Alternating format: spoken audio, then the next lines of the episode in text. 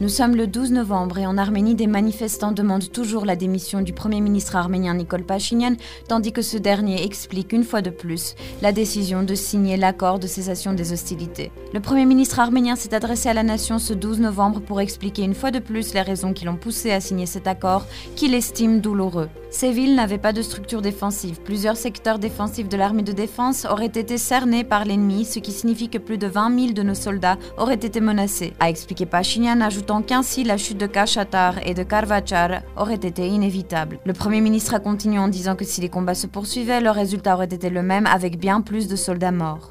Il était temps de prendre une décision dans les heures qui ont suivi, autrement cela aurait entraîné la mort de 25 000 soldats ou leur capture. Selon Pachinian, le problème du Haut-Karabakh n'est toujours pas résolu. Quant aux critiques concernant la construction d'une liaison de transport reliant l'exclave de Nakhichevan sous contrôle azerbaïdjanais à l'Azerbaïdjan et qui passerait par Merri dans le sud de l'Arménie, le Premier ministre a déclaré qu'il était ridicule de penser que l'on cédait ainsi les territoires arméniens.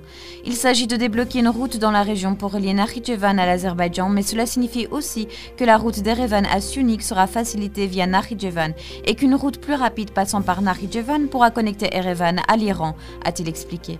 Pour lui, cela pourrait créer une percée économique significative pour l'Arménie. Enfin, il a noté que la reconnaissance internationale de la République d'Artsakh est devenue une priorité absolue. Le 11 novembre, le président de l'Artsakh, Araik Harutyunyan, a évoqué la situation actuelle liée à l'accord de cessation des hostilités. Depuis cet accord, lui-même et le premier ministre d'Arménie ont été accusés d'être des traîtres à la nation.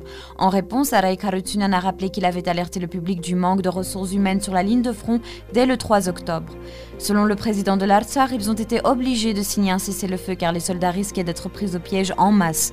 Durant son discours, il a insisté à ce qu'aucun traître ne soit désigné, car selon lui, toute la nation est responsable de cet échec. S'adressant aux Arméniens de l'Artsar, Harutyunyan a appelé les citoyens de l'enclave à retourner dans leur patrie et leur a assuré que tous les problèmes sociaux seront pris en charge par le gouvernement. La séance du Conseil de l'Assemblée nationale n'a pas eu lieu le 11 novembre. La raison en est l'absence des députés du parti majoritaire de Nicole Pachinian, Imkhail Monpa en français. La députée du parti d'opposition Arménie Prospère, Iveta Tonoyan, a déclaré que cela signifiait qu'il y a une crise parlementaire dans notre pays. Les autorités ont une fois de plus prouvé qu'elles n'avaient qu'un seul intérêt, leur mandat et leur salaire, a-t-elle déclaré. En réponse, les députés du parti de Nicole Pachinian ont publié une déclaration dans laquelle ils écrivent partager le chagrin des familles, amis et parents des victimes et qu'ils s'inclinent devant les soldats, volontaires et toute personne ayant pris part à la guerre de l'Artsar.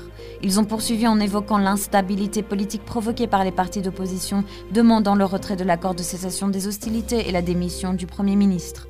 Le parti ne participera à aucune session visant à perturber la stabilité en Arménie, mettant en danger le front militaire et la vie de ceux qui s'y trouvent, peut-on lire dans le communiqué. Ils se sont ensuite adressés aux partis d'opposition, leur suggérant d'annoncer très clairement à tous les Arméniens et au monde qu'un, ils soutiennent l'annulation de la médiation russe, deux, le retrait des soldats de paix russes le long de la ligne de contact, et trois, qu'ils sont favorables à la poursuite de la guerre. La plupart des dirigeants du mouvement exigeant la démission du Premier ministre Nicole Pachinian ont été arrêtés, a déclaré Artsvik Minassian, membre du parti d'opposition de la Fédération révolutionnaire arménienne.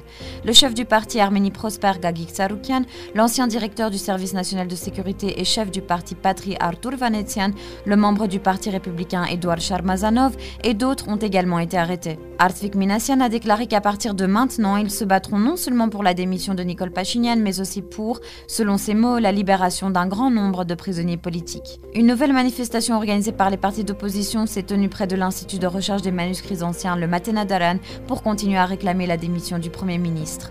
Annie Paitian pour CivilNet.